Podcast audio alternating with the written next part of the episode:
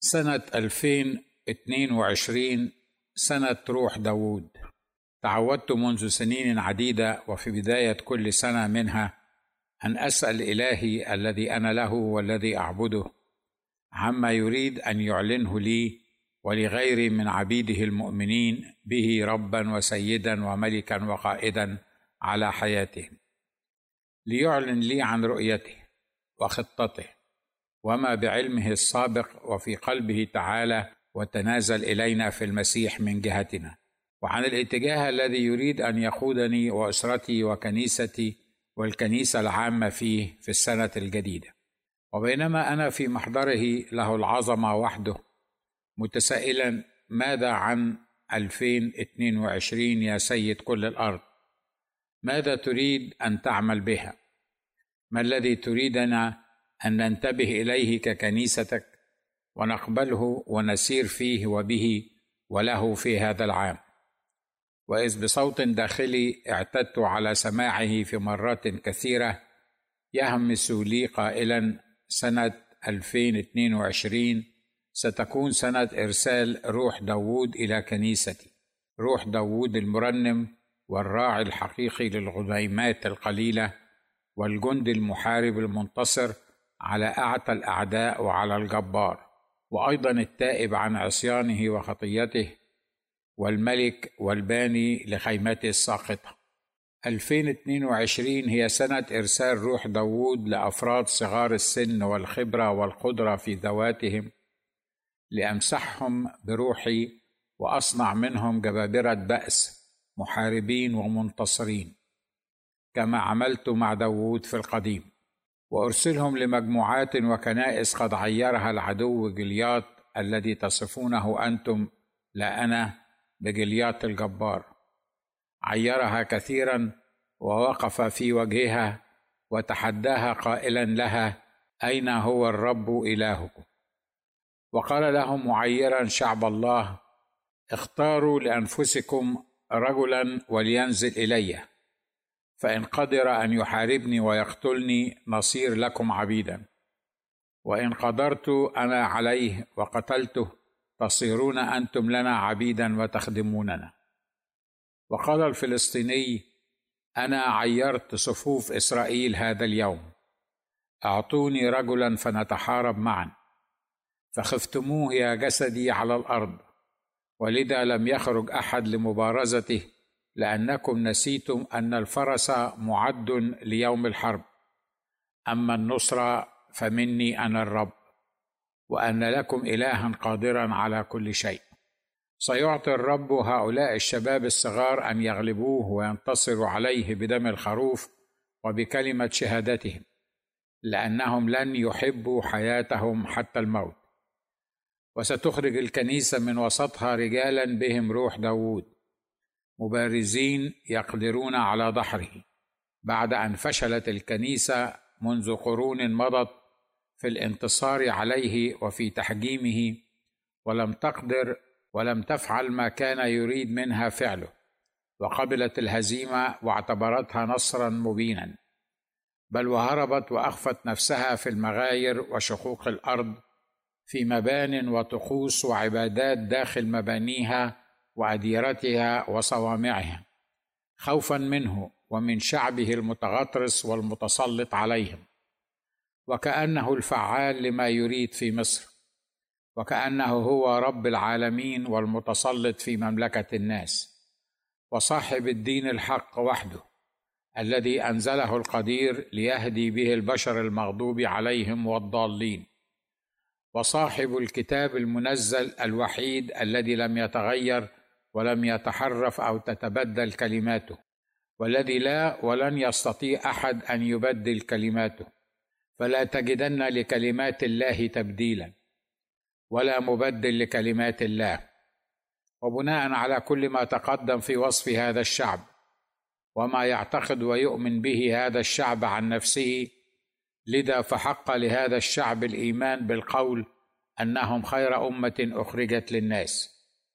ولذا أصبح لهذا الشعب ولهذه الأمة كتحصيل حاصل أن تعتبر دينها هو الأفضل وكتابها هو الأوحد ونبيها هو الأعظم بين الأنبياء وهو خاتمهم من سيؤم بقية الأنبياء الذين سيقفون خلفه في صلاة لله سبحانه وتعالى وسيصلون جميعهم عليه ويسلمون تسليما. بما فيهم المسيح يسوع تبارك اسمه سر التقوى الله الذي ظهر في جسد إنسان المكتوب عنه وعن أوصافه وكمالاته وخصاله ما لم ولن يكتب عن إنسان آخر عاش على وجه هذه الأرض. فمكتوب الله بعدما كلم الآباء بالأنبياء قديما بأنواع وطرق كثيرة كلمنا في هذه الأيام الأخيرة في ابنه أي المسيح يسوع الذي جعله وارثا لكل شيء الذي به أيضا عمل العالمين الذي وهو أي المسيح يسوع بهاء مجده مجد الله الجالس على العرش سبحانه ورسم جوهره وحامل كل الأشياء بكلمة قدرته.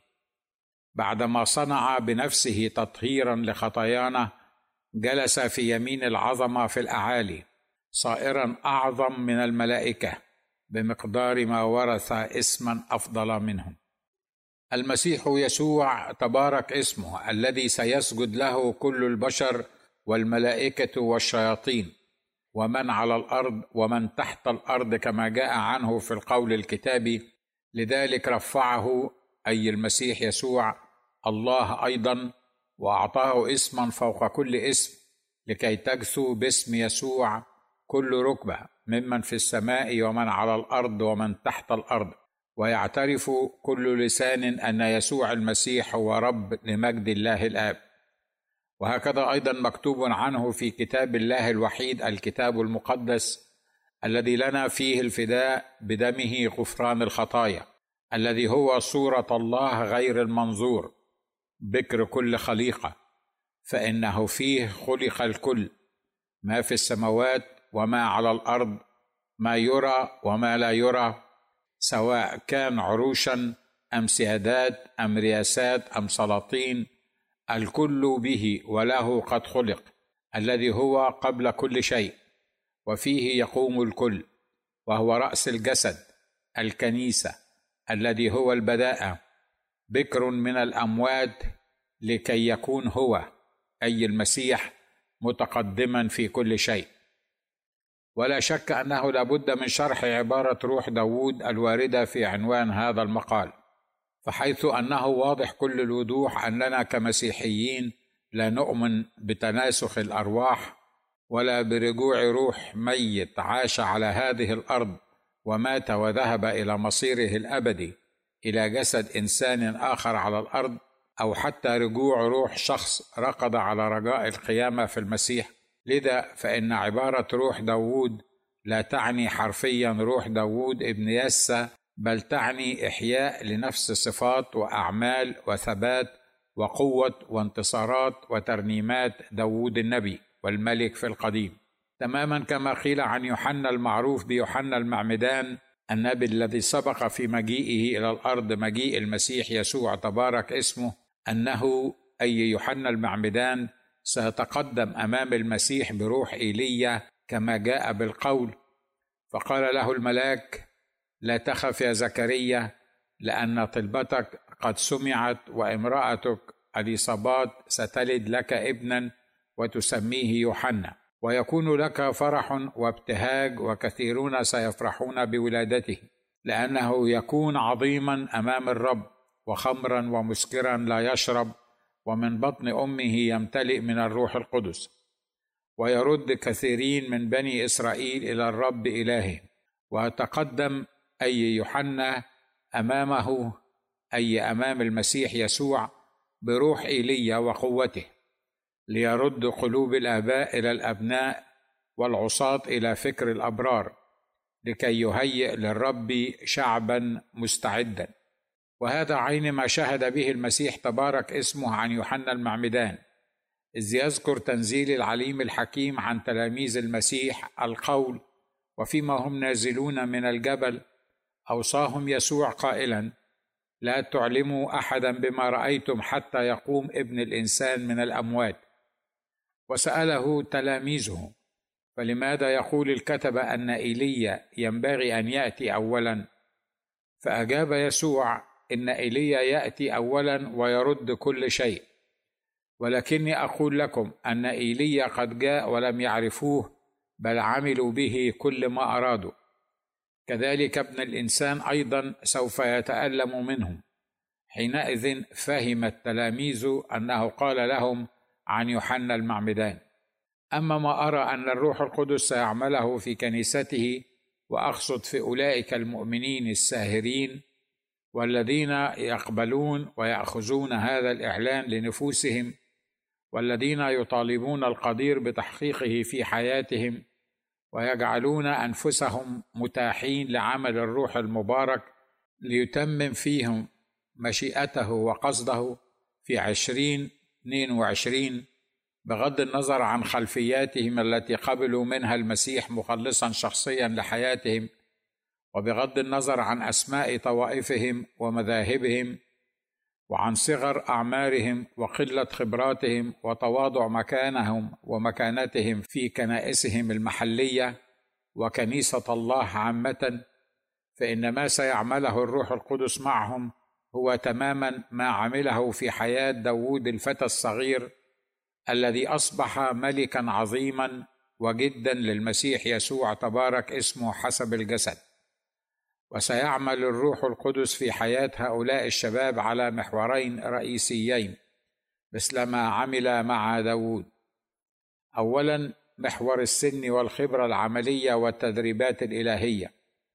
والحرب الروحية التي تعرض لها داود والتي لابد أن يتعرض لها ويواجهها كل من سيختار من الله لكي يسير على نهج داود في القديم والذين سيحصلون على روح داود في سنة عشرين اثنين وعشرين.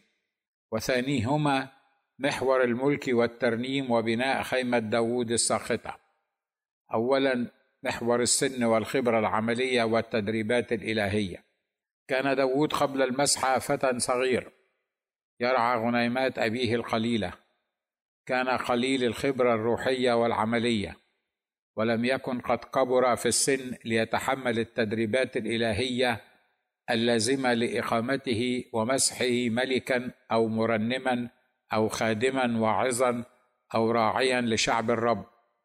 ولذا لم يكن يعد أو يعتبر رجلا ناضجا بما فيه الكفاية من قبل أبيه يس البيت لحمي ليكون بين إخوته الكبار رجال الحرب وليتحمل تبعة اختياره ملكا على إسرائيل بدلا من شاول الملك.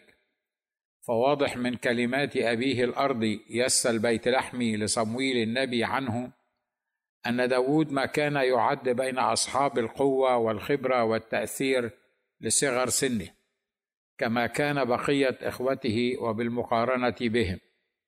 وقد كان يومئذ ابن سبعة عشر عاما حتى أن صمويل النبي عندما جاء ليمسح ملكا من بين بني يسى لم يحضر يسى ابنه داوود من الحقل ليقف أمام صموئيل بين إخوته لأن يسى أباه لم يضع في حسبانه أن الرب يمكن أن يختار داوود ليكون هو الممسوح ملكا على إسرائيل حيث نقرأ وعبر يسى بنيه السبعة أمام صمويل فقال صمويل ليسى الرب لم يختر هؤلاء وقال صمويل ليسى هل كمل الغلمان؟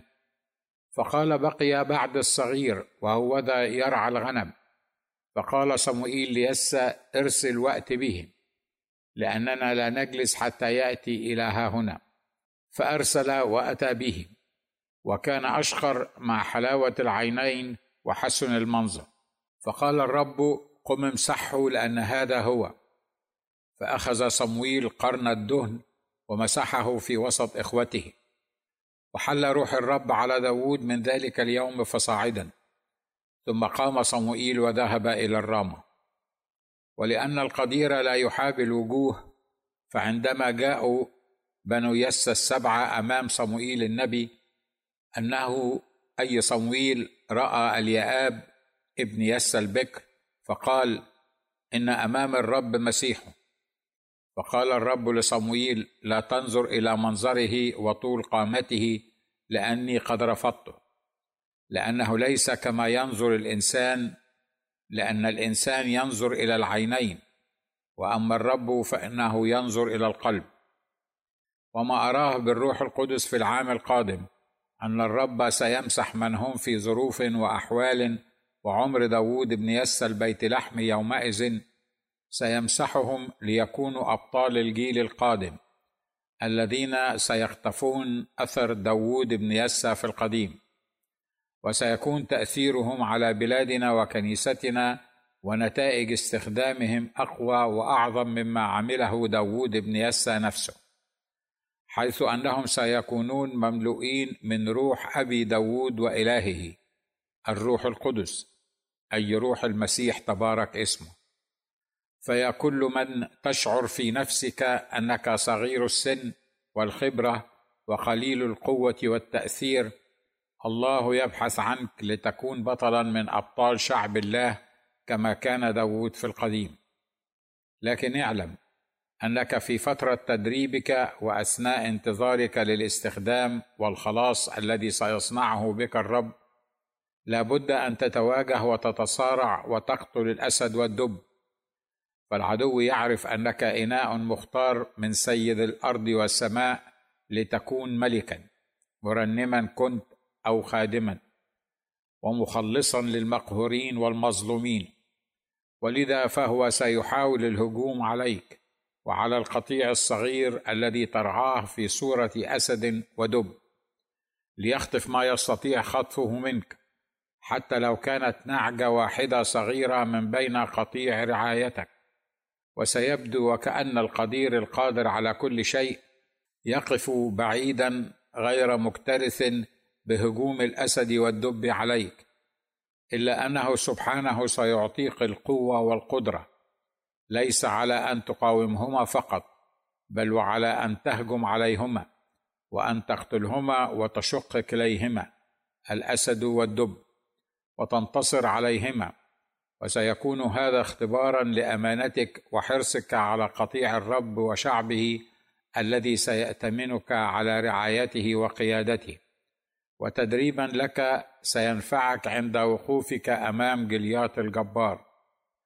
واعلم أن هناك الكثير من الأمور والعوامل التي ستحدد مدى قوة استخدامك ومسيرك مع الرب. أذكر منها على سبيل المثال لا الحصر. واحد رؤيتك لنفسك ومعرفة مكانك ومكانتك في ملكوت الله وفي جيش القدير. وفي هذا لابد أن تنتبه لما يلي.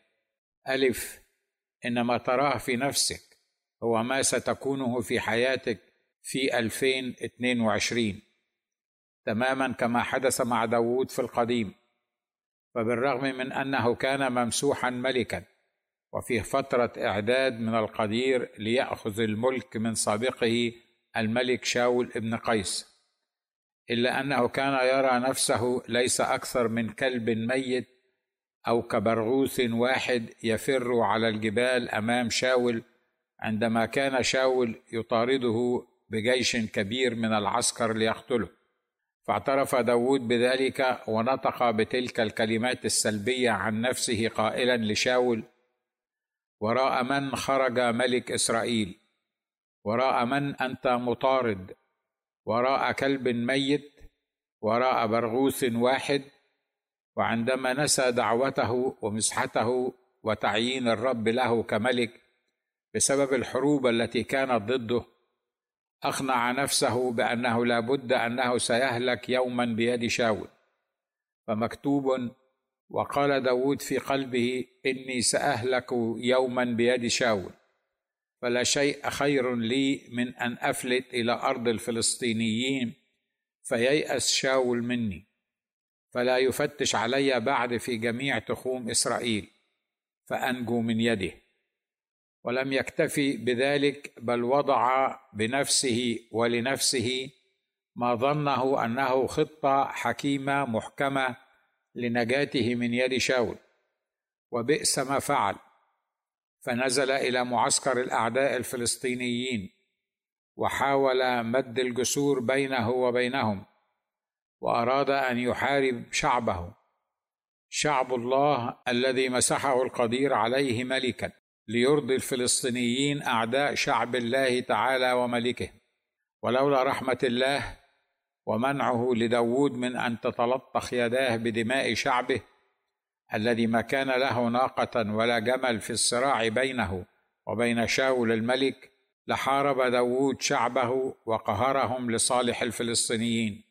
بالضبط كما هو الحادث اليوم في مصر من وقوف الكثير من شعب الله المسيحيين الإسميين في صف أعداء الله ضد إخوتهم من رجال الله المدافعين عنهم والباذلين كل جهد لإخراجهم من شقوق الأرض التي اختبأوا فيها أزمنة طويلة. ومن الذل والمهانة التي كوموها فوق رؤوسهم. دافعين الجزية بطريقة أو بأخرى عن يدهم وهم صاغرون. تماما كما حدث ليس في القديم فحسب بل في الجديد أيضا حين ارتمت الكنيسة في أحضان جماعة الإخوان وذهبت الوفود لمد الجسور معها وتهنئتها بتولي السلطة في البلاد حتى قبل انتخابها وتوليها الحكم. وذلك لخوف الكنيسة وجبنها. وبدعوى محاولة التصالح والتقرب مع من يرغبون في إنهاء وجودهم في مصر كلها به. وعليك يا من سيختارك القدير في عشرين اثنين وعشرين أن تنتبه وتحذر من خطورة الشهرة العريضة والسوبر تأثير على سامعيك والمتعاملين معك. فعندما كان داود راعيا بسيطا صغيرا لغنيمات أبيه القليلة كان يشعر بالمسؤولية تجاه القطيع الذي ائتمنه أبوه على رعايته حتى أنه كان على استعداد أن يضحي بنفسه في سبيل إنقاذ نعجة واحدة من القطيع. ووقف ضد الأسد والدب وقتلهما. لكن عندما تغنت النساء له ورقصن بسبب انتصاره على جلياط وبعدما صار ملكا عظيما على كل إسرائيل اشتهى النعجة الوحيدة التي لصاحبه ولقائد عظيم في جيشه وأخذها واغتصبها لنفسه بغير حق وأعطى أوامره بذبح رجلها حتى لا تنكشف فعلته. لذا فعليكم أيها الشباب الذين سيختارهم الرب ليقفوا ضد أعداء الكنيسة أن تعلموا أن الشهرة العظيمة التي قد تسرع وراء أحدكم ما هي إلا قنبله موقوتة تريد أن تلازمكم حتى يشعل الملتفون حولكم فتيل انفجارها. بتعليقاتهم الجميلة والحارة لكم على الفيسبوك وغيره تعليقاتهم على كل ما تعملون خيرا كان أم شرا. فيمشون وراءكم كالعميان دون تمييز لما يسمعون. لذا فاعلموا أن القوة لن تعطى لكم لاستحقاق لكم في ذواتكم ولا لبر فيكم ولا لخير قلتموه أو عملتموه بل هي بمقتضى القصد والنعمة وهي لا تتوقف على مكانكم أو مكانتكم أو خدمتكم وتأثيركم في مجتمعاتكم وكنائسكم إن كانت كبيرة أو صغيرة. بل هي القوة التي يمنحها الله الروح القدس. جيم. واعلموا أنه عندما كان شغل داود الشاغل هو السؤال عن إخوته وسلامتهم في الحرب والدفاع عن شعبه وأمته حتى لو عرض نفسه للخطر الذي لم يجرؤ إنسان غيره على التصدي له وكانت غيرة رب الجنود تأكله عندما يسمع من يهين أو يعير اسم إلهه عندها استطاع أن يقف ضد الجبار. في وقت جبن فيه الكل بما فيهم الملك والرؤساء ورجال الجيش جميعهم وقادتهم. أما عندما نسى أنه لا بد له أن يكون المتقدم لصفوف جيشه لاسترداد ما سلبه العدو منه قام وتمشى على السطوح فرأى واشتهى وأخذ نارا في حضنه وقتل ولم يفارق الخطف والزنا والسيف بيته حتى بعد أن مات وذهب إلى ربه. دال. واعلموا أنه عندما كان داود يعرف أنه مجرد أداة مستخدمة في يد القدير قال لشاول في محاولة إقناع الأخير بالسماح له للذهاب لمواجهة وقتل جليات الرب الذي أنقذني من يد الأسد ومن يد الدب هو ينقذني من يد هذا الفلسطيني.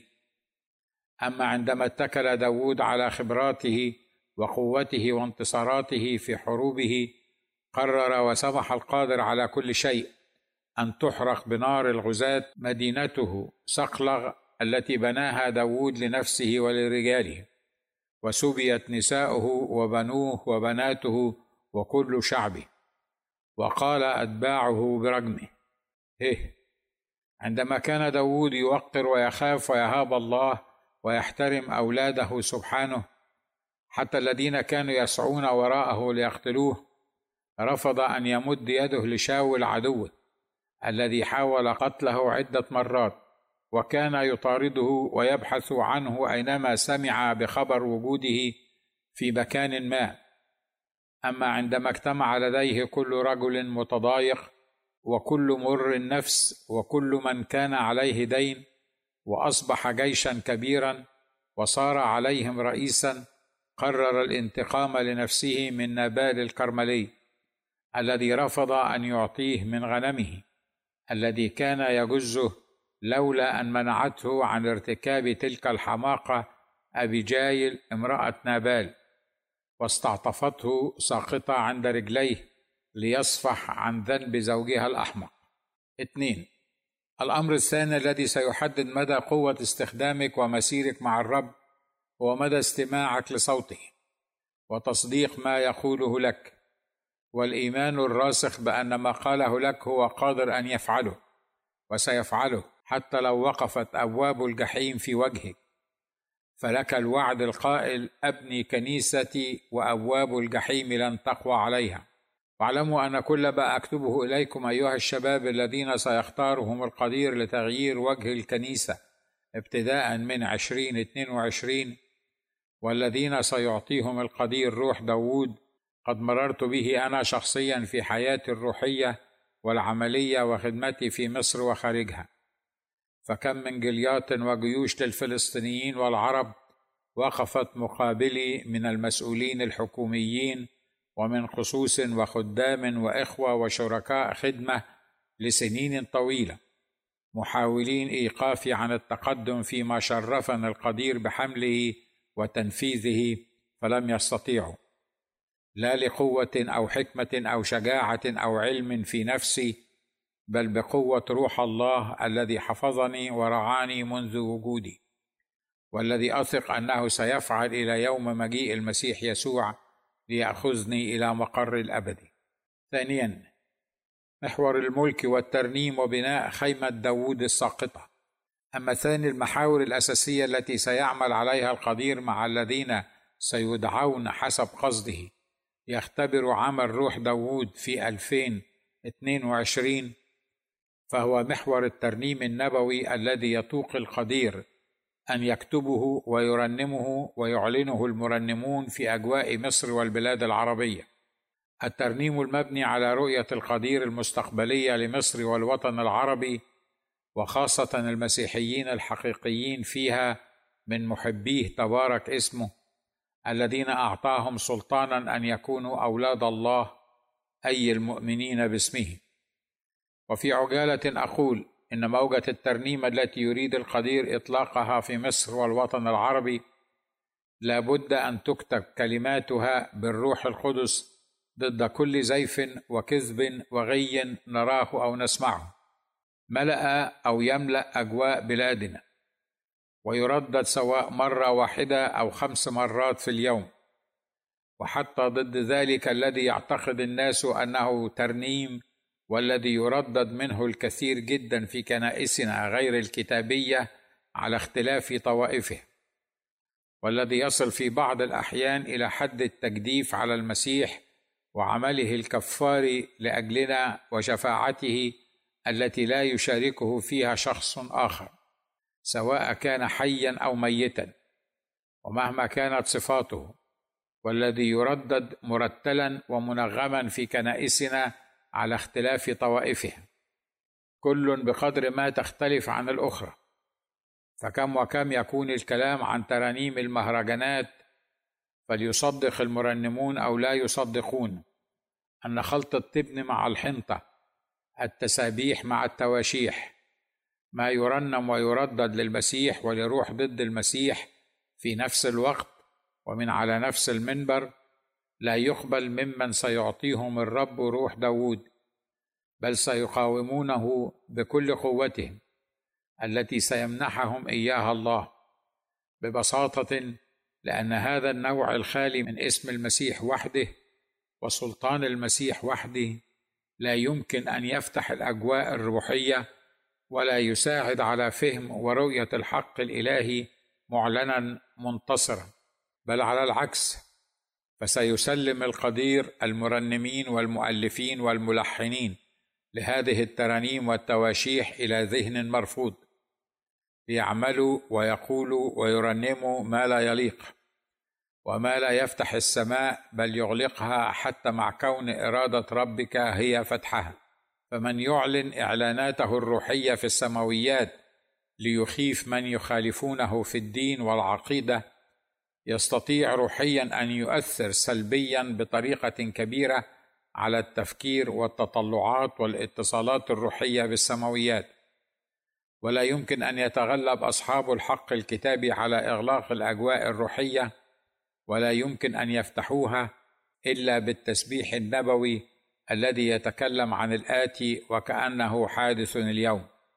بقي هناك اقتراحان أرى أنه من المحتم على الكنيسة أن تعمل بهم. أولهما هو كتابه دعوه للترنيم ورفع اسم المسيح عاليا وإعلان أن المسيح أكبر المسيح أكبر. وأننا نشهد أن لا إله إلا الله وأن المسيح يسوع هو الله. وندعو الناس إلى تحميله على الموبايلات الخاصة بهم. والثاني هو إقامة حركة تسبيح عالمية عربية يشترك بها أكبر عدد ممكن من الكنائس في مصر وخارجها على مدى 24 ساعة يوميا كما كان التسبيح مستمرا في خيمة داوود وبأمره. وسنرى ما سيفعله القدير بالكنيسة في 2022 إذا ما سمعنا وأطعنا ونفذنا كأفراد وكجماعات ما هو مطلوب منا عالية. اللهم ارسل لنا روح داوود في اختياره ومسيرته وانتصاراته وترنيمه. واجعل لنا 2022 سنة الغلبة على جلياط يا سميع الدعوات. آمين.